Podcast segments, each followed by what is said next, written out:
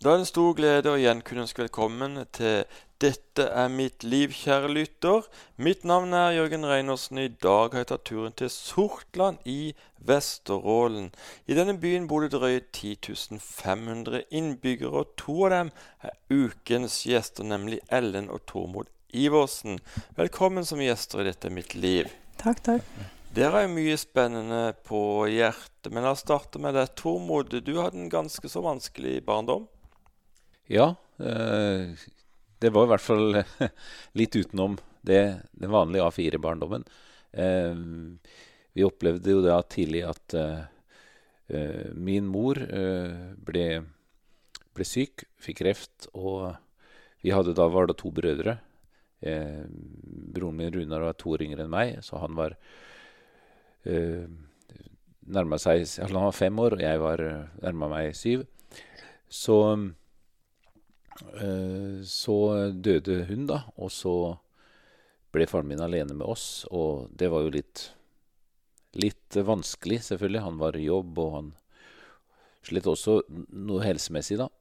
Så vi eh, Det var en del trafikk med forskjellige folk som hjalp oss hjemme, da, ut og inn av huset og eh, sånne ting, med husmorvikar og sånne ting. Og så kom vi i et fosterhjem hvor vi var i fire år. Og deretter, så, eller etter fire år, da, så døde faren min også. Eh, ganske plutselig.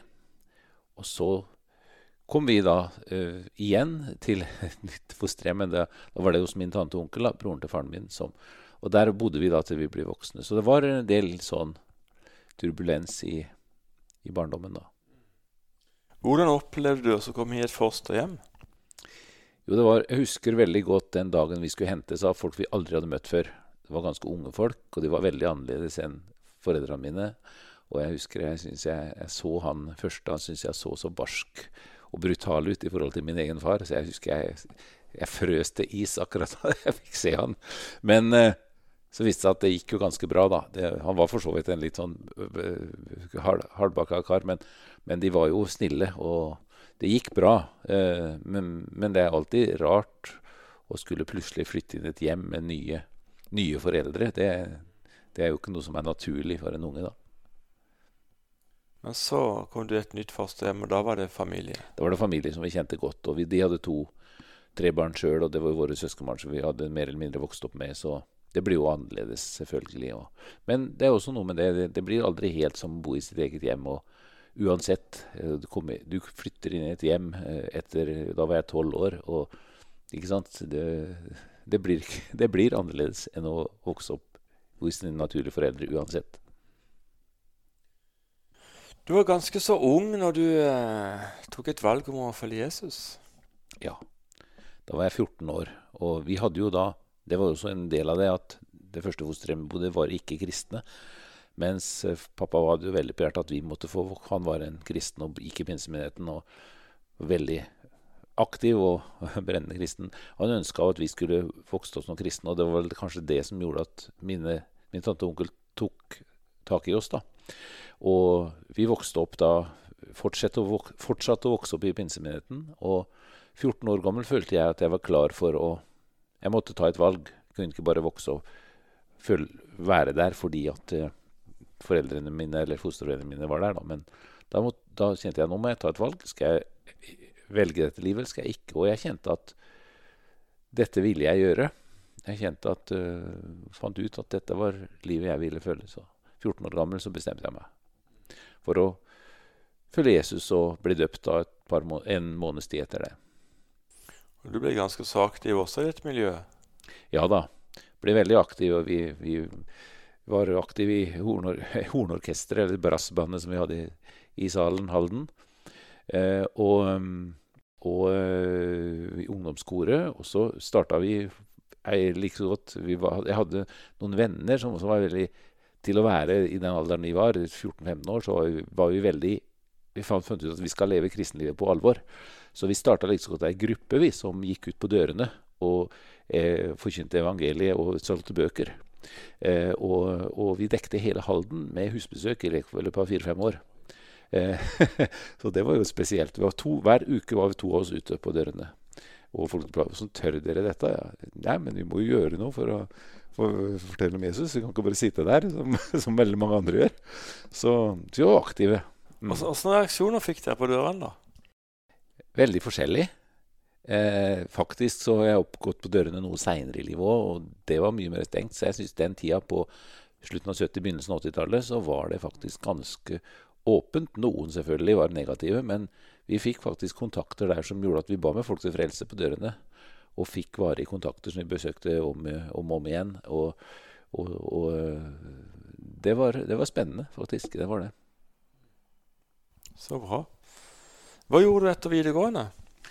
Da kjente jeg det Du kan si at jeg, det var mange ting inne i bildet her. da med Jeg slet med selvtilliten. Jeg slet med øh, Visste ikke Hadde egentlig ingen tro på at jeg sjøl skulle takle Så jeg fikk sånn veldig usikkerhet og angst med tanke på framtida og utdannelse og disse tinga her. Så jeg kjente at det, beste jeg kan gjøre, er vel å gi et år til Herren. Jeg hadde tanke på kanskje jeg skulle gå på, med, på en folkehøyskole og studere media, men så Nei, jeg må, jeg må, ta bibelskole. For jeg kjenner at jeg må grunnfeste meg i Guds ord. For ellers har ikke jeg sjans til å takle livet videre. Det var sånn jeg følte det. Så da gikk jeg på bibelskole, og det ble flere år på bibelskole. Og også litt i tjeneste som menighetsarbeider og sånne ting. Så det var sånn det starta da, etter videregående. Hvordan var det å komme på en bibelskole og legge bort dette vanlige norsk, engelsk, tysk, hva det måtte være? jo da, det var jo annerledes.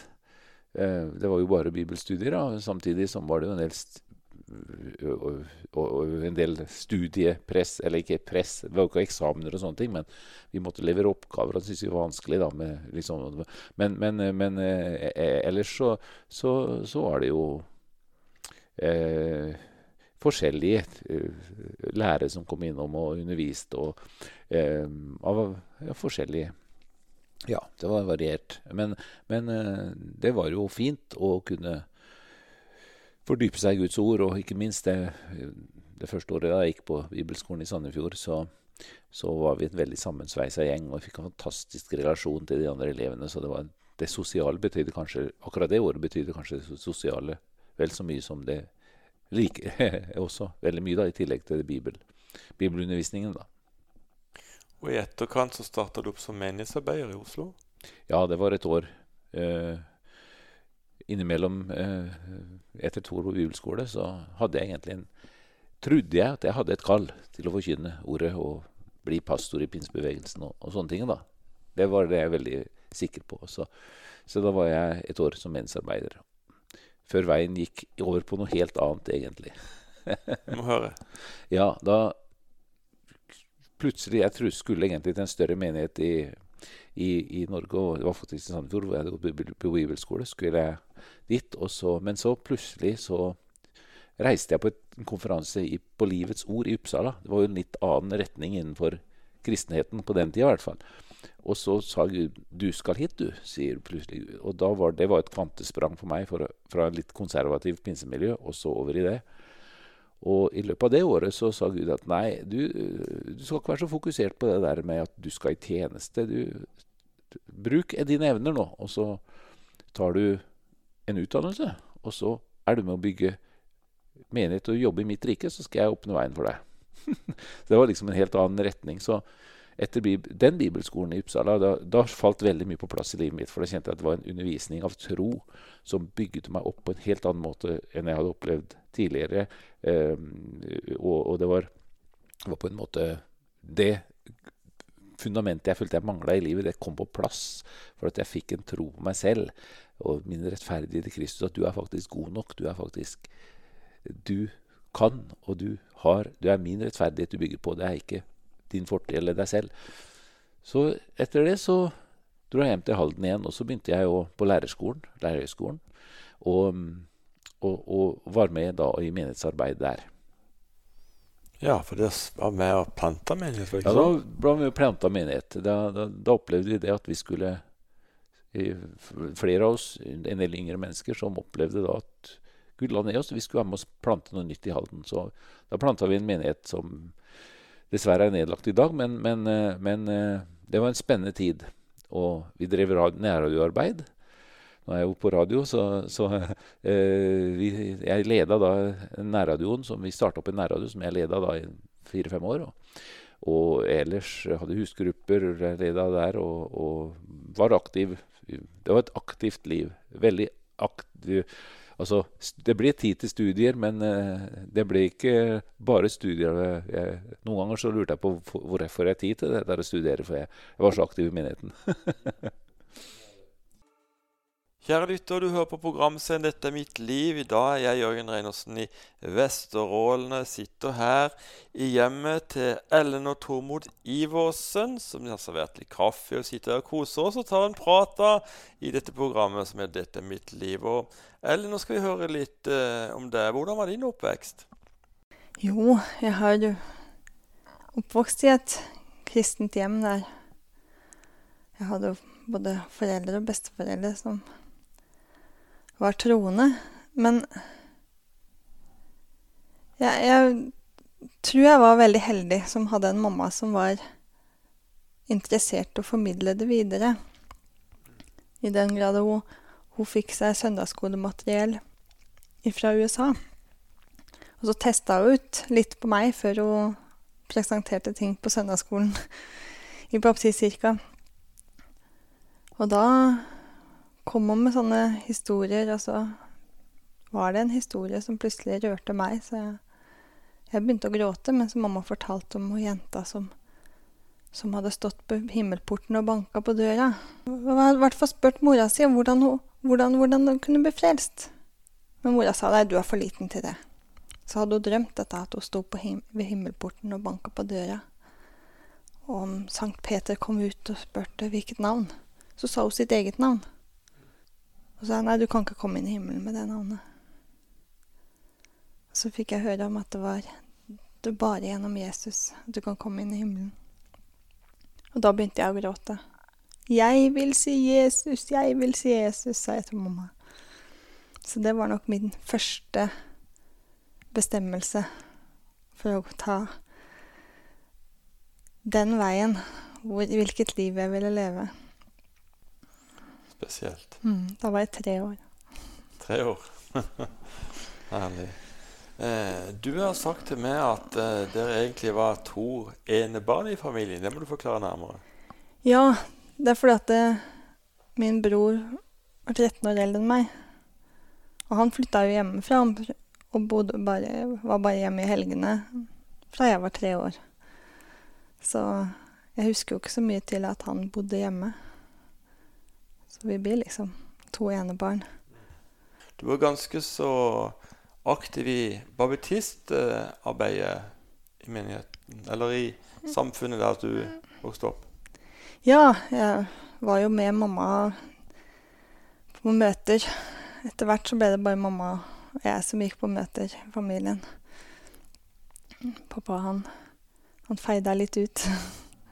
Sleit med angst? Ja, han sleit med angst og og hadde fått vel litt, litt menighet oppi vrangstrupen. Han hadde sett en del ting som på en måte følte var eh, her, her lærte de én ting og praktiserte noe annet. Og ble havna Var hjemmesitter.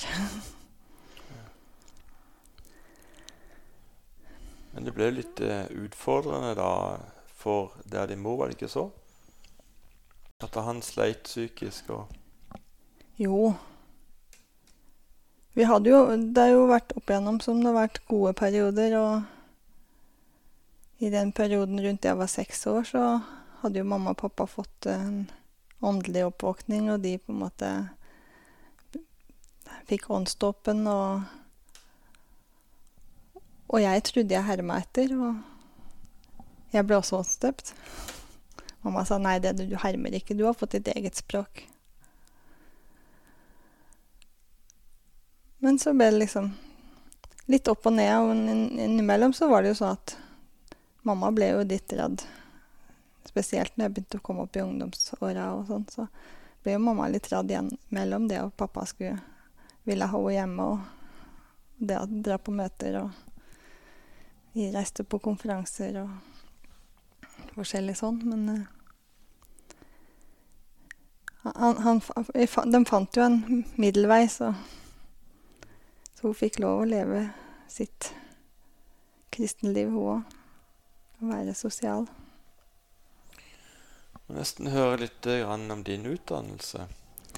Ja, jeg har jobba med Jeg begynte med å passe unger og sånne ting da jeg var tenåring, og fant ut at dette her var morsomt. Jeg likte å jobbe med barn og være sammen med unger, og da følte jeg liksom at jeg her Her kunne jeg bidra, så det var liksom det som var i fokuset mitt. Jeg skulle jobbe med unger. Så jeg gikk på helse- og sosialfag og grunnkurs og var uh, sånn praktikant noe hjem et par år før jeg gikk, gikk på barnepleielinja, som det het den tida. For, for uh, starten på det som nå er barne- og ungdomsarbeider, da. Akkurat. Vi må nesten høre hvordan traff du og Tormod hverandre? Ja, etter hvert så ble det jo sånn at vi Mamma hun har alltid vært litt sånn åpen for å dra på forskjellige steder. Det at vi ånd, var åndsdøpt og på en måte litt sånn, så var vi jo litt, litt der at uh, bapti baptistkirka var liksom Det ga kanskje ikke alt Vi dro på litt møte litt her og litt der, og var åpen for å få med seg, så vi ble etter hvert med i i det som ble trosvekkelsen. Og var med i, i menigheter som var mer Hadde en annen retning, da. Og der ble jeg med i det som nå er Livets senter. Det er på Lillehammer, der jeg er oppvokst. Og den menigheten hadde kontakt med den menigheten som som Tormod var med å starte. Og da hadde vi konferanser sammen, vi reiste på turer sammen, sammen og litt sånne ting, og da møttes vi i den sammenheng. Ja, Tormod. Var det Amos Piler som traff deg, eller hva? Ja, det var jo Det var en prosess, da. Jeg husker første gang jeg møtte Ellen på Lillehammer. Hun var veldig aktiv i menigheten der. Og hun var den som eh, gjorde opptak fra møtene. For hun hadde fått en, ny, en sånn uh, dobbelt kassettspiller av sin far. Og så sa jeg kan ta opp, uh, bare bestill av meg. Og så sa jeg ja, det var veldig. Hun var ikke mer enn 16-17 år kanskje da første gang vi møttes. da. Eh, så, så hadde vi kontakt. Så kom hun på besøk og, og, og, til Halden, og jeg var på Lillehammer. Og så, så, så ja, det kom gradvis, det der at vi At jeg begynte å tenke at uh, kanskje det er noe der. Jeg var jo del, noen år eldre enn henne, da, sånn at jeg var jo, hadde bikka 25 år, og, og veldig mange av mine jevnaldrende var jo begynt å, å ha gifta seg og, og, og, sånne ting. Jeg tenkte at uh, ja, jeg, nå begynner, må vel jeg begynne å tenke på, på det. Så, og så, så så man tenkte jo en del på de tinga, selvfølgelig. Og, og, da Ja. Nei, det var jo sånn at jeg hadde besteforeldre som bodde i Halden, nei, i Fredrikstad. Og når jeg var i Fredrikstad på, på, jeg tok toget til Fredrikstad og var på besøk hos de, så tenkte jeg jeg må jo dra på et møte. Og da tenkte jeg ah, jeg kan jo dra til Halden, men åssen skal jeg komme dit? Jo, hvis jeg tar toget innover til Halden, da kommer jeg akkurat til møtet begynner. Men hvis jeg skal ta toget tilbake igjen, da må jeg dra omtrent akkurat når møtet er slutt. Da får jeg liksom ikke vært sosial samtidig. Så når vi var på et møte i Sarpsborg sammen med min mormor og morfar dagen før, så tenkte jeg er det noen fra Halden her? Jo, der var det noen tre gutter fra Halden. Så jeg fikk spurt de om det var noen av dem som kunne tenke å kjøre meg tilbake til Halden. Nei, til Fredrikstad fra Halden etter møtet, sånn at jeg fikk vært litt sosial også. Og da var det Tormod som sa ja, det kunne jeg gjøre. Herlig. Din far døde ganske tidlig. Han døde ganske tidlig, ja. Han eh, ble ikke mer enn 69 år. Og så gikk det noen år, og så døde også din mor. Du hadde et tøft halvår da. Ja, i, i, i 2010 var det et uh, veldig tøft år. Spesielt det siste halvåret. For da Mamma hadde jo hatt kreft i mange år, og skjønte jo at det begynte å nærme seg at hun ikke kom til å leve lenger. Men uh, når man da plutselig får en telefon om at min bror var sendt på sykehus 52 år gammel. Han eh, hadde fått noe synsforstyrrelser på vei til Når Han var ute og sykla på vei til jobb, og han jobba som sykepleier på nyutdanna sykepleier på sykehuset, så han kom til nattevakt på sykehuset, og så mens han forteller hva som skjer, og i overlapping, så ser de at han begynner å bli halve ansiktet begynner å svikte, og liksom ser at her er det noe alvorlig på gang. De får han over på på um, intensiven, som er naboavdelingen, men det går seks dager, og de, han dør av en blodpropp til hjernen. Så det var en tøff, tøff tid. Mamma dør to måneder etterpå. Hva tenker du om Gud i en sånn situasjon? Jeg tenker at Gud var der sammen med meg og støtta meg, så ikke det ble for tøft.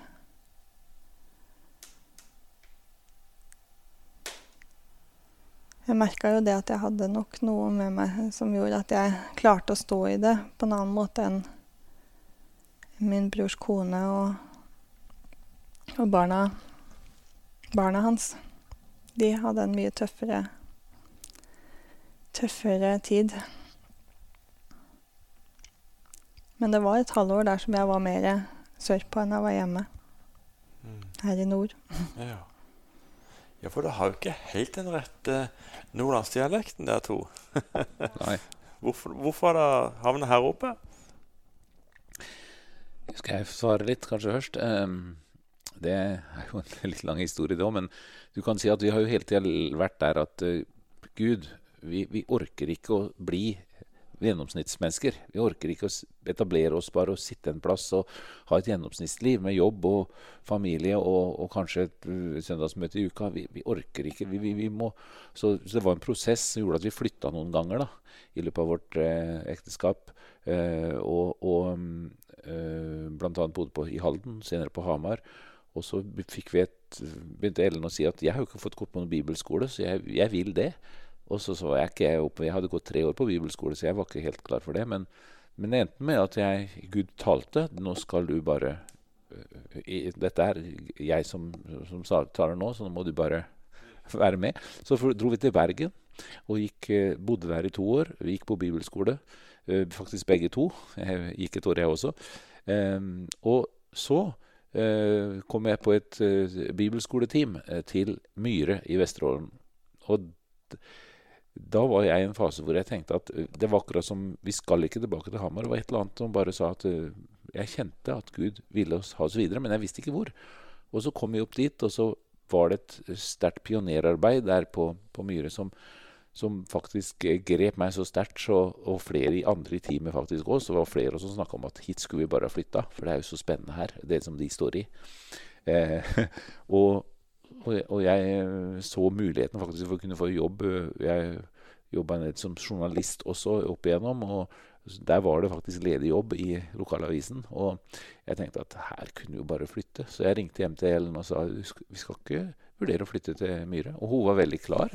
På telefonen på direkten var hun veldig klar for det. Så etter to år i Bergen, da, så så følte vi at ja, nå drar vi. Så, så pakka vi og dro med tre barn da, til eh, Myhre i Vesterålen. Hvordan kunne du bare være klar til å reise opp i her? Nei, det, det handler litt om på en måte man, Når man ser tilbake igjen, så ser du de små hinta. På samme måte som jeg følte når vi, jeg, vi, jeg traff Tormod, liksom, at plutselig så så jeg hintene at Oi, du har leda meg den veien. Den kjøreturen fra Halden til Fredrikstad. En paraply som var glemt igjen i bilen. Litt forskjellige sånne ting da. Men samme måte så følte jeg liksom vi jeg har jo egentlig røtter her oppe siden pappa var fra Harstad. Og mamma var født utafor Harstad. Hun bodde de to første åra av krigen i Narvik. Siden mine, min mormor og morfar var baptistpastorer. Så, så jeg har liksom røtter her oppe, selv om jeg Mamma og pappa og alle hadde flytta sørover før åtte år før jeg ble født, så jeg hadde liksom ikke fysisk kontakt med Nord-Norge. Jeg hadde ikke vært nordafor Trondheim vi, før vi gifta oss. Men, men jeg har liksom på en måte Det er noen røtter der, på en måte. Og så var vi på teamtur til Bodø som nygifte. Året etter var vi i Mosjøen. Da vurderte vi faktisk å flytte til Mosjøen. Da fikk vi et godt råd. Prøv å legge tanken bort en måned. Hvis du ikke klarer å legge den bort, så er det mer sjanse for at det er Gud. Og den gangen det var snakk om Mosjøen, da var det ikke noe vanskelig å legge det bort. Denne gangen var det ikke mulig. Plutselig så hørte jeg alle nordlendinger som prata. 'Å, er du fra nord?' 'Å, der var det nord!' Det var liksom en helt annen opplevelse. Kjære lytter, du hører på programserien 'Dette er mitt liv'. Mitt navn er Jørgen Reinholdsen. Og i dag er det Ellen og Tormod Iversen som er gjester. Og dere to har et spesielt hjerte for de som har det vanskelig. Ja, vi er i hvert fall veldig opptatt av å å, å, se mennesker, på en måte.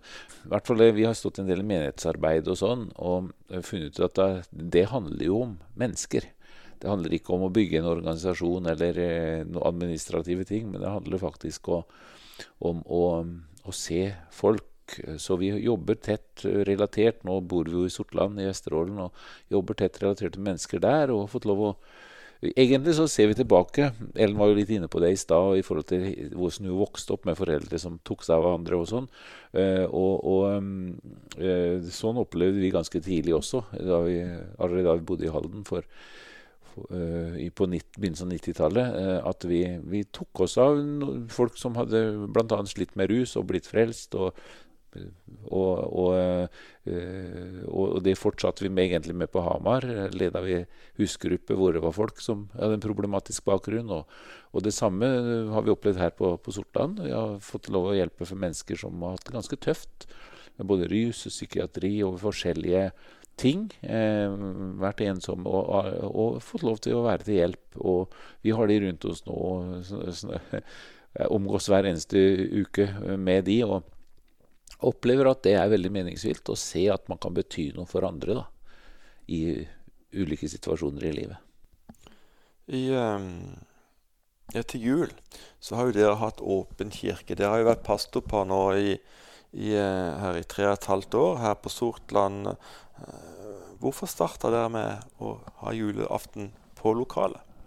Nei, Hvordan det starta, det er et godt spørsmål, for det husker jeg ikke helt. Men, eh, men eh, i hvert fall så ble vi og noen i menigheten enige om at uh, det er jo en del mennesker som ikke har noen å feire jul sammen med. Og så fant vi ut at hvorfor kan vi ikke gjøre det? Uh, vi har jo en kirke midt i sentrum og veldig godt egna for å Og vi visste om mennesker som kunne være med på det. Og så vi hadde en det har skjedd to ganger. Den første gangen var vi med, og den andre gangen var det andre i menigheten som tok ansvaret. Og begge gangene har det kommet ikke-kristne mennesker og andre mennesker som ellers ville vært ensomme på julaften. Og det har vært veldig meningsfylt, og vi fikk fantastiske tilbakemeldinger på de menneskene som var med på det. da. Ja, for jula har jo ofte vært sånn at uh, du, så, du, blir så egosentrert. Man blir så familie, familiærsentrert at uh, man glemmer bort de som eventuelt trenger å, å ha noen rundt seg som ikke, som ikke har familie. Som Vi merker jo litt på det, for vi har ikke noen annet enn vår kjernefamilie sånn sjøl. Her, Her oppe. Så, så det, det, har vel litt med det å gjøre, at vi tenkte at vi har ikke noe problem med å kunne utvide familien litt på en sånn dag. Til og med ordføreren kom på besøk. Ja. Jeg ser det eneste, eneste året som jeg har hatt julenissen på besøk på julaften. Det var det året, for da kom ordføreren og hadde med seg en julenisse. Artig. Har dere lyst til å nevne hver deres episode hvor dere kan si at eh, akkurat der opplevde jeg Guds omsorg på en spesiell måte? Ja, kan jo, du kan si det. For det første så vil jeg, vil jeg si det sånn at uh, jeg, har ikke, jeg kan ikke si som mange andre at si at den dagen opplevde at Gud grep veldig overnaturlig inn i livet mitt. Jeg, jeg har opplevd Guds omsorg på det, i det naturlige, det hverdagslige, sånn på det jevne. I veldig mange år. da. Eh, men jeg kan si at vi, vi, vi, vi kom til Vesterålen i 2006. Og det viste seg at når vi kom til Vesterålen med fullt flyttelass og tre barn, så hadde vi ikke noe hus stående. Vi trodde det, men det var ikke noe hus å bo i. Og vi hadde ingen jobb. Jeg vet ikke om Ellen hadde fått jobb på forhånd, det er jeg litt usikker på, men i hvert fall så, så hadde jeg ingen jobb. Og folk ville jo tenkt at vi, dette er jo galskap, øh, og hvordan skal dette gå? Uh, og vi bodde Det begynte med at vi fikk få låne huset av noen venner som skulle på ferie, og osv. Sånn. Men alt det der, i løpet av noen tid, så ordna det der på en helt fantastisk måte, med både både hus og jobb. Og vi har opplevd det der mange ganger. Vi har tatt skritt i tro. Vi har også løpt det en senere tid. Vi har liksom bare eh, gjort ting som har virka litt sprøtt, men eh, solgt hus f.eks. og ikke hatt noe annet sted å flytte. Men, men, men, men alt det der har vi opplevd at det har ordna seg. Bare for vi har stolt på Gud og sagt at vi har fulgt, på en måte opplevd at Han har kalt oss til å gjøre noe. Og så har vi fulgt det, og så har ting løst seg i rett tid. Nydelig. Mm. Ellen?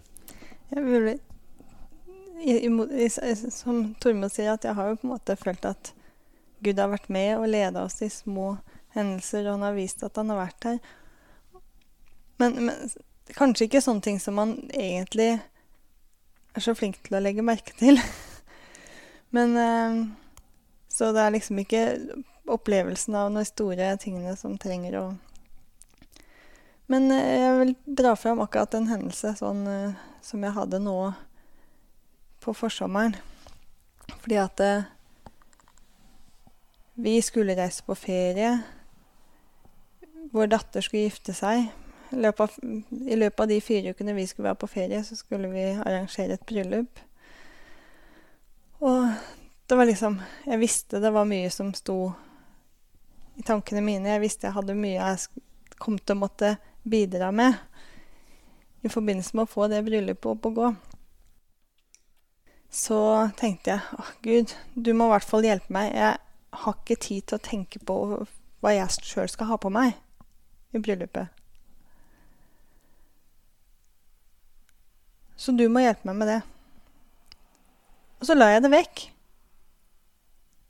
Og så var, jeg, var vi bare på, nede på butikken. Vi skulle bare en full fart ned i butikken. Vi hadde egentlig ikke planer om å dra på butikken, men min 13-åring ville, ville, så gjerne nedom butikken en tur. Så jeg dro henne ned på butikken, og så sier hun 'Mamma, kan ikke vi bare gå inn og se om de har kjole der?' Så gikk vi inn på én butikk, og der fant jeg en kjole til 400 kroner. Ja.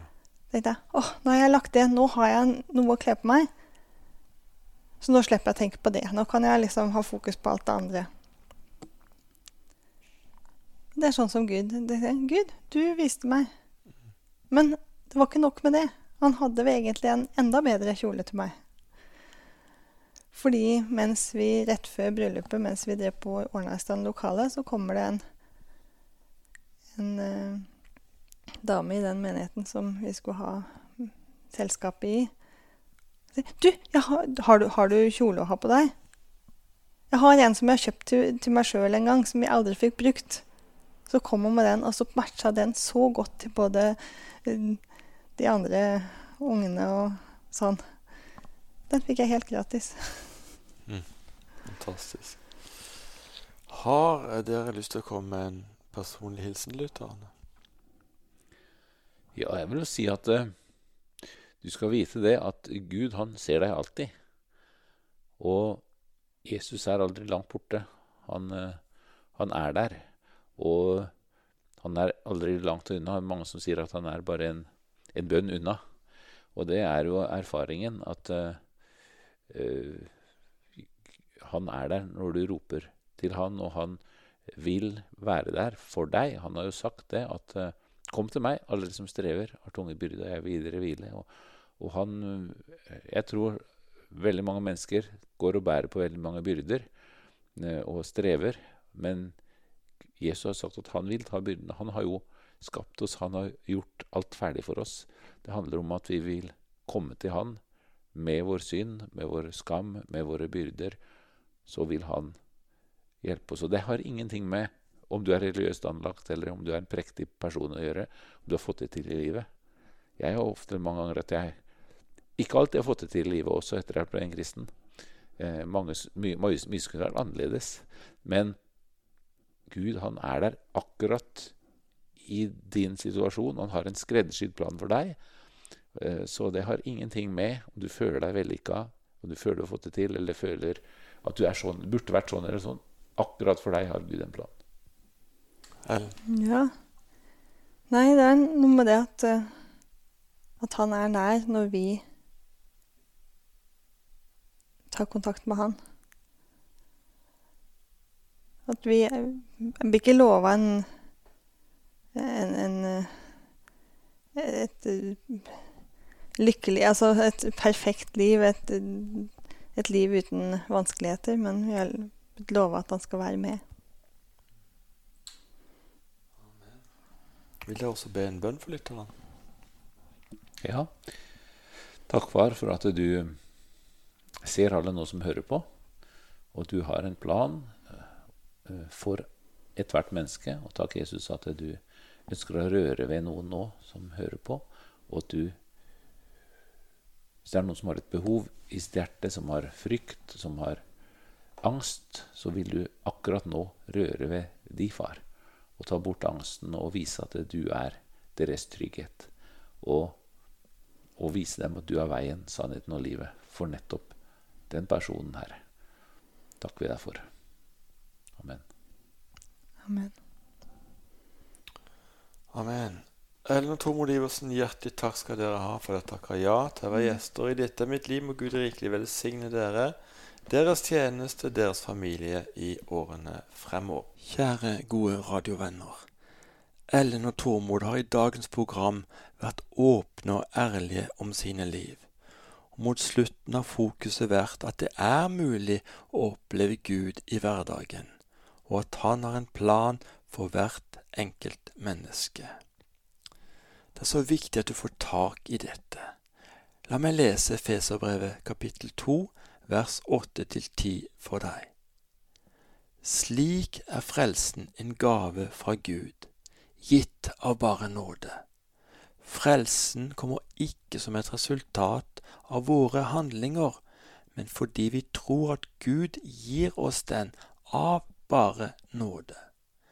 Derfor kan ingen skryte av at de selv har gjort noe som helst for å bidra til sin frelse. Vi er skapt av Gud, og vi er Hans verk. Derfor er vi beredt til å gjøre gode gjerninger som Gud på forhånd har bestemt for oss, slik at vi skulle vandre i dem. Jeg leste fra Hverdagsbibelen.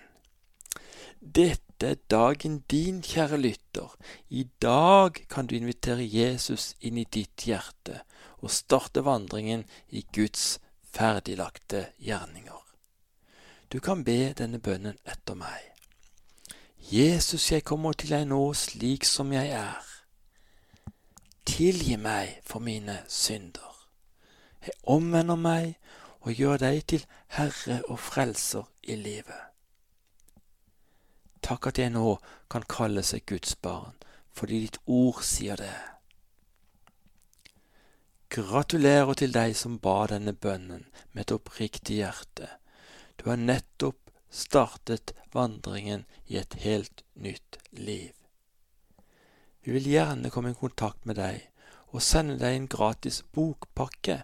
Du finner meg, Jørgen Reinersen, på Facebook eller så er vår kontaktinfo på vår hjemmeside 9010.no.